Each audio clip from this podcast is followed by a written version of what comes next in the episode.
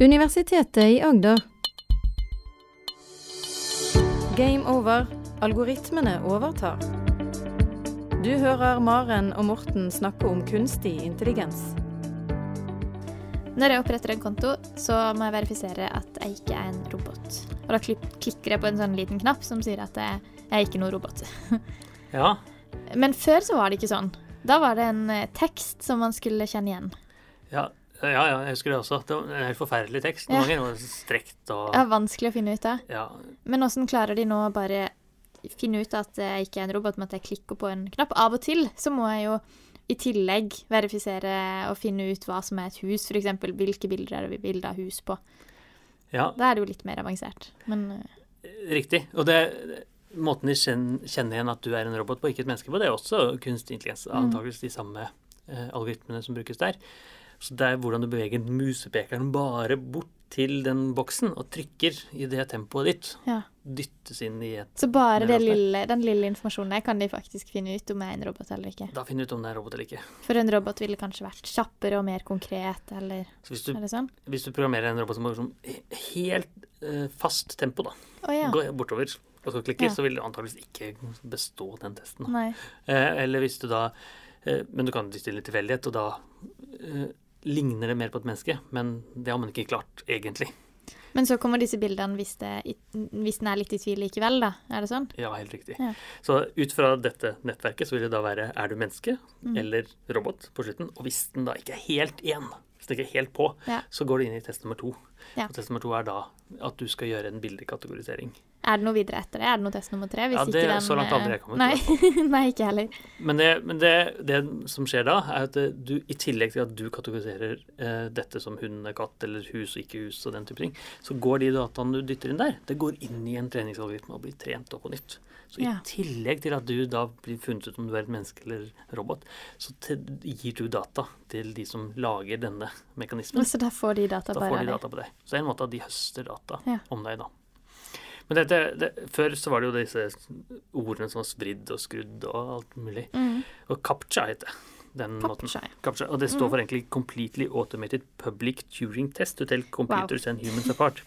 Såpass, ja. Det er en test som skal sjekke om du er menneske eller robot. Ja. Den andre er også en CAPTCHA-test. Så vi, Du husker sikkert tilbake at vi snakket om Alan Turing, han som visualiserte Han som lagde en av de første eh, datamaskinene, men ikke på noe annet enn papir, og det med Mm. kryptologi og den type ting.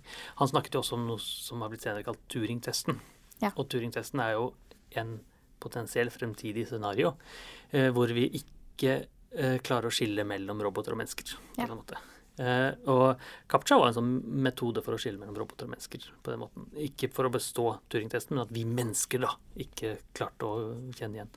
Og det, det var jo mange som irriterte seg over disse CAPTCHAene som var vridd og snudd og mm -hmm. måtte prøve kanskje fire-fem ganger. Ja, og hva, er, man litt svaksynt eller så er det jo kjempevanskelig. Vel, da, helt det er ikke veldig Tilgjengelighetsmessig så er det nei. Veldig dårlig. Mm.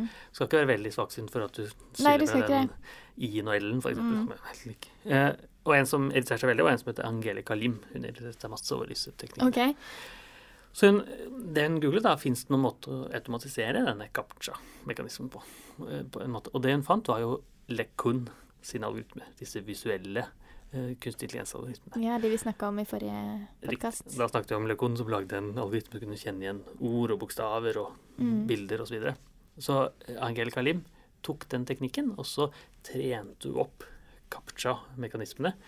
Altså dette skal det stå eh, f.eks. hei, eller dette skal stå menneske, eller Mm. den type ting. Og at disse visuelle algoritmene da tok inn disse eh, vridde, snudde osv., og, så og så kom det ut en mekanisme etterpå. Ja. Og da ble det en mot-captcha, kan man kalle det. En algoritme som da var bygget for å bestå denne testen, som skulle skille mellom robot og mennesker, men som da den klarte å øh, fjerne helt. da. Så det hun gjorde, var jo å gjøre den testen ubrukelig. For Ja. nå kunne du lage en robot som kan teste det. Så nå klarte hun å overvinne det, på en måte. Klarte å overvinne det. Så hun var jo en beskjeden type, så hun publiserte det aldri. Så det bare kom Å, fram i senere tid at hun har gjort det. Oh, ja, så hun brukte det bare for sin egen del, da? Ja. Syntes det var kjipt å løse dette her. Hun var irritert hver gang hun skulle laste opp et bilde. Nå Ja. må jeg identifisere meg igjen som et menneske. Så lager vi det automatisert på en måte. Men det var antakeligvis en av de første testene på eh, den, disse visuelle algoritmene brukt i praksis. Ja. Så da i dag jobber Angelica også med kunstig intelligens, men jobber mye mer med eh, de menneskelige delene av det. Så hun har lagd en av de Hun er med på å designe de robotene som heter Pepper. Jeg vet ikke om du har sett yeah. noen av de. Lao er noe sånt eksempel. Mm. Hvor, de, hvor de er bygget helt konkret for å få noen menneskelige følelser. Med store øyne, så litt sånn søte. Det er de hvite robotene som er litt robotene, sånn ja. søte, som du sier. Eh, Riktig. Og hun Mm. jobber med de for å Ja. få det litt mer sånn menneskelig aspekt ved Ja, de kunstige kunstig intelligensen. Men hun kom fra forskermiljøet, hun også. Mm. Helt tung teoretiker som bare irriterte seg på Ja. den måten. Men det viser seg at disse bildene ble eh, Disse bildealgoritmene ble brukt veldig mye av mange.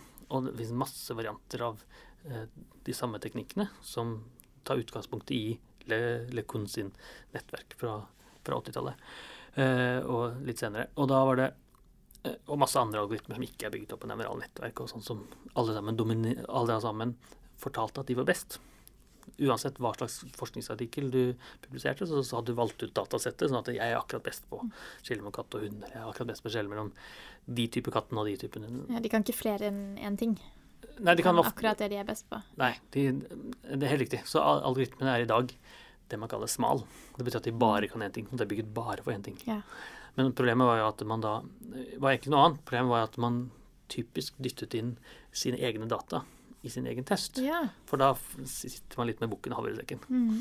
Så når jeg kontrollerer hvilke data jeg dytter inn i algoritmen, og jeg kontrollerer algoritmen, så er det veldig lett å bli best. ja. For det er liksom alle skal Så alle var best, i grunn? Alle var best, Fordi ja. alle hadde sitt eget eh, oppsett og sin egen eh, database? Riktig. Det er sånn hvis man i friidrett sier at ja, du bestemmer selv hvor lenge du skal løpe. Ja. Jeg er best på 89 meter, Mm. og jeg er best på 103 meter. Ja. Så i friidrett og de fleste sport så har man en grense. 100 Mm. meter er det løper da. Ja. Spiller ingen rolle om det er best på 103. Det er Nei. 100 som betyr noe. Eh, men i algoritmeverdenen så var det ikke sånn. Alle var bare best på det de var best på. Noen var best på 103 meter, noen var best på 98 meter. Noen var Mm. best på disse bildene, noen var best på noen andre. Mm. Og da, det irriterte en som heter Fei Fei Li, Ja. som kom til, kom til USA. Hun, egentlig så kom hun til USA fra Kina i 92. Okay. Eh, og da kunne hun ikke et ord engelsk. Nesten ikke, bare sånne veldig enkle ting. Og så eh, Men tre år senere så tok hun det som heter SAT i USA. Det er en nasjonalprøve man tar. Eh, og Ja, score- sånn språk, språk. språktest. de, de tester mye ting. Mm. Språk er en, matematikk er en. Men da gjorde hun det best i sitt Oi. fylke. Så det tok henne tre år da, fra å ikke snakke et ord engelsk Wow. til å bli en av de beste. Imponerende. Og da får man en uh, lokalavissak på Ja. det. men det hun fant ut, da, det hun irriterte seg over, det var at eh, i, ikke i algoritmeverdenen, men utenfor, at amerikanerne er brautende mennesker som sier ja, jeg er best på å mette, men hun var best når det gjaldt. Når, når hun ble testet, ble hun best. Ja. Litt stille og satt tilbake til klasserommet og sa ingenting. Men når hun ble testet, da var hun best. Ja. Eh, amerikanere, typisk, stereotypisk amerikaner, har jo eh, en helt annen holdning. Vi snakker mye, og jeg er best i alt, osv. Og, så og så er det ikke sikkert de er best når de blir testet. Nei. Men Fei Fei Li var det, da. Og Fei Fei Li er jo en person når hun da lærer seg det engelske språket på tre år. Flytende. Best av alle. Så har er hun, har hun evner. Og hun kommer inn i algoritmeverden, i kunstig intelligens-verden. Og det hun eh, irriterte seg over, var jo at alle disse som kjørte disse visuelle algoritmene, de gjorde det best uansett. Så de ble ikke testet mot de samme datasettene. Så det hun fant ut, var at eh, hun skulle lage en sånn test. Og den testen heter ImageNet. Bildenett. Yeah. Så hun har tatt millioner av bilder, 14 millioner bilder, har samla masse bilder. og kategorisert de yeah. manuelt. Dette er hunder, dette er koster, dette er biler, dette er militærkjøretøy osv. Så, da kunne man teste opp mot samme nett, da. Da kunne alle Samme teste opp. bilder. Samme Så i 1992 så eh, lanserte hun konkurranse. Eh, og den konkurransen det var sånn at noen av bildene ble gitt ut, en liten prosentandel. Men okay. de aller meste ble holdt eh, hemmelig, sånn at hun kunne teste de selv. Yeah. Og da kunne hvem som helst dytte inn sin algoritme. Var- Om det var kunstig intelligensbasert, var det basert på nevrale nettverk eller basert på noe helt annet. Alle kunne sende inn hva de ville. Så det var en konkurranse om å teste eh, algoritmene sine. Bildekategorisering av Ja. algoritmene sine. Ja. Riktig. Litt som OL, bare i algoritmeverdenen. da. Forskjellen nå var at nå løper jo alle like langt. Ja. Nå var det den samme testen, samme målestokk for alle sammen. Ja. Og da var det jo en algoritmetype som begynte å dominere virkelig. Har du noen idé om hvilken det kan være, tror du? Eh, det må jo være bildegjenkjenning og Det må jo selvfølgelig være det. Ja. som vi om Det Det viste seg jo da at, det, at de alle, nesten alle, alle algoritmer de gjorde feil i hvert fjerde kategorisering. fikk liksom fire bilder, og en av dem var feil. Okay. Altså, ikke hund, det var en hund, men du kalte det kost, eksempel. Ja. Og så var det jo eh, en algoritmetype som gjorde den bedre enn alle andre. Og den eh, var lansert av Jeffrey Hinton og hans student som het Alex i 1992. Hinton var jo han som vi snakket om for et par Mm. dager siden. Gudfaren din. Gudfaren innen Ja. utstillingen, så helt riktig. Så da var det jo en videreføring av Jan Legon sitt nettverk. Nå heter det ikke lenger Lønett, nå heter det Alex Nett. Ja, for nå var det han som var studenten. Nå var det Alex som var eh, studenten, ja. Så nå er det Alex Nett, da. Ja. Og AlexNet gruser alle andre algoritmer her. Oi. Så mens alle andre har da 25% feil, feil, hver fjerde var feil, så hadde denne algoritmen 7 feil. Oi. Og det er litt som Du løper 100-meteren, og så eh, må du stå og vente et par sekunder på de andre. Mm. Den type grusing skjedde da. Ja, det er jo helt vilt. Og eh, Fei Fei Li var eh, ikke overbevist om at hun hadde testet riktig. Hun trodde hun hadde testet feil. Ja, det var såpass bra. Kjørte et par ganger til, Ja. bare være helt sikker. Ja. Kanskje jeg liksom glemte et eller annet, eller Ja. komma feil, eller noe sånt. likevel ble det riktig. riktig. likevel dominerte den, ja. Eh, og- og da begynte folk å skjønne, da. Nå er det noe som er i ferd med å skje. Mm. Så det gikk jo fra 1986, da Hinton skrev sin berømte artikkel, eh, fram til 1992 så var det nesten ingen som brydde seg.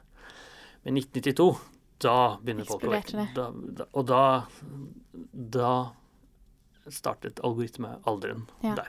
En helt hendelse. ImageNet-hendelsen går den som i vårt fagfelt. Ja, ja.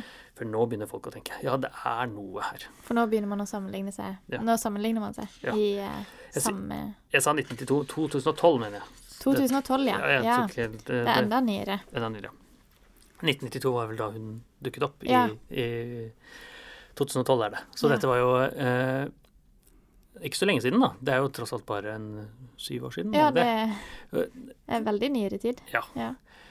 Men da har jo ting begynt å Det som har egentlig skjedd forskjellen siden 1986 og 2012, er litt grann sånn algoritmen er bygget opp med litt forskjellige filter og litt mye sånt. Okay. Men stort sett er det jo bare datakraften som har blitt annerledes. Og det betyr at man kan bygge opp enda større nevrale nettverk og trene de opp og få til enda mer, flere ting. da. Så det er derfor data, datakraften er så viktig. Det er Derfor datakraften er så viktig, fordi det er masse mer ting å lære. Mange flere sånne koblinger som skal kobles opp, og mer. Man får plass til mye mer inni en datamaskin i dag enn man fikk til i 1986. Og 2012 versus 1986 er jo himmelforskjell Ja. i datakraft. Og hva betyr det? Jo, jo det betyr jo Eh. at, eh, at nå vet vi hvilke algoritmer som gjør det best. På grunn av datakraften, eller? Ja, ja så det er Ja, altså, det, det gjør eh, ImageNet og eh, Ja. i og for seg- Men det at vi får en så kraftigere datakraft, hva gjør det ja, ja. med Så, så det viser seg at disse, når man gikk videre enn 2012, enda lenger, eh, så, eh, så ble jo ble jo algoritmen enda bedre og bedre. Så gikk vi ned fra 7 ned til 3 Oi. og en, nå er det en 2,9 eller der omkring eh, på samme datasett. Og så var det en, eh, også en av Hintons studenter som skulle teste hvor godt er menneskene på akkurat samme teknikk. Mm. Og de kom på 5 Ja. Så det betyr jo da at menneskene er jo dårligere enn en algoritmene Mm. på akkurat den type ting. Og, og det er jo naturlig å tro da at eh, datakraften øker fremdeles fremover. Det er ikke helt sikkert at datamaskinen blir kraftigere, men kanskje blir det da. Ja. Men det betyr at de blir enda bedre til å kategorisere bilder enn oss mennesker er i dag. Allerede i dag så er de bedre, men de kommer til å bli enda bedre fremover, skulle man tro da. For det, bare fordi man får plass til større nettverk. Ja. Så er det derfor det er så viktig um, jeg vet, der- På Care så er det gjort en, et innkjøp av en veldig kraftig datamaskin. og den Mm. blir snakka mye om her på UiA. Ja, riktig. Det har vi gjort, ja. Um, og det er på grunn av den eh, det vik viktigheten da, av, et, eh, av god datakraft. Helt riktig. Så vi har kjøpt en datamaskin som skal regne ut bl.a. disse nevrale nettverkene. Og, og den matematikken som trengs der, den er jo eh, veldig tung å regne i praksis. Så det betyr at eh, egentlig så er det da bare Facebook og Google som har muligheten. Men når vi kjøper en sånn stor datamaskin, så kan vi også teste. Ja. Teste ut algoritmer. For typisk så er det sånn at man ikke er helt sikker på hvordan de skal bygges opp. Det er ikke bare sånn størrelsen på nettverkene som betyr noe, det kan være masse andre som gjør at ting blir bedre av forskjellige grunner. Og så vet man ikke helt, da. Er det den varianten eller den varianten Ja. eller disse tolv andre variantene? Så skal Mhm. man teste alle samtidig. Ja. Og så finner man ut at ja, variant nummer tre var best. På den måten. Og det er jo veldig vanskelig uten datakraft. Mm. Eh, visuelle algoritmer, absolutt, men også språkalgoritmer, eller, eller kanskje man skal forutsi aksjemarkedene, eller hva som helst. Alt er liksom bygd opp på de samme prinsipper der. Mm. Og for det man kan regne mye kraftigere, og antageligvis kommer til å kunne regne enda mer kraftigere fremover, så betyr det at man får til vanskeligere og vanskeligere og vanskeligere, vanskeligere ting. Det er ikke bare det at man sier at algoritmen gir så masse datakraft, man må jo tenke litt på hvordan de skal bygges opp og så også. Mm. Men datakraft betyr enormt i den der. Og 2012 var jo dataene kraftige nok Ja. til å kunne teste det virkelig, virkelig bra. Og det viste Fei-Fei og hinten begynte å gå fra denne kjedelige, ikke kjente personen i det hele tatt, til å bli gudfaren i kunstig intelligensverden. Fordi han vant den aller største bildekategoriseringstesten som fantes i Bislett. Du hører Maren og Morten snakke om kunstig intelligens. Har du spørsmål til Maren og Morten, send en e-post til gameover.alfakrølluia.no. Du har nå hørt en podkast fra Universitetet i Agder. Du finner flere podkaster fra UiA på uia.no podkast.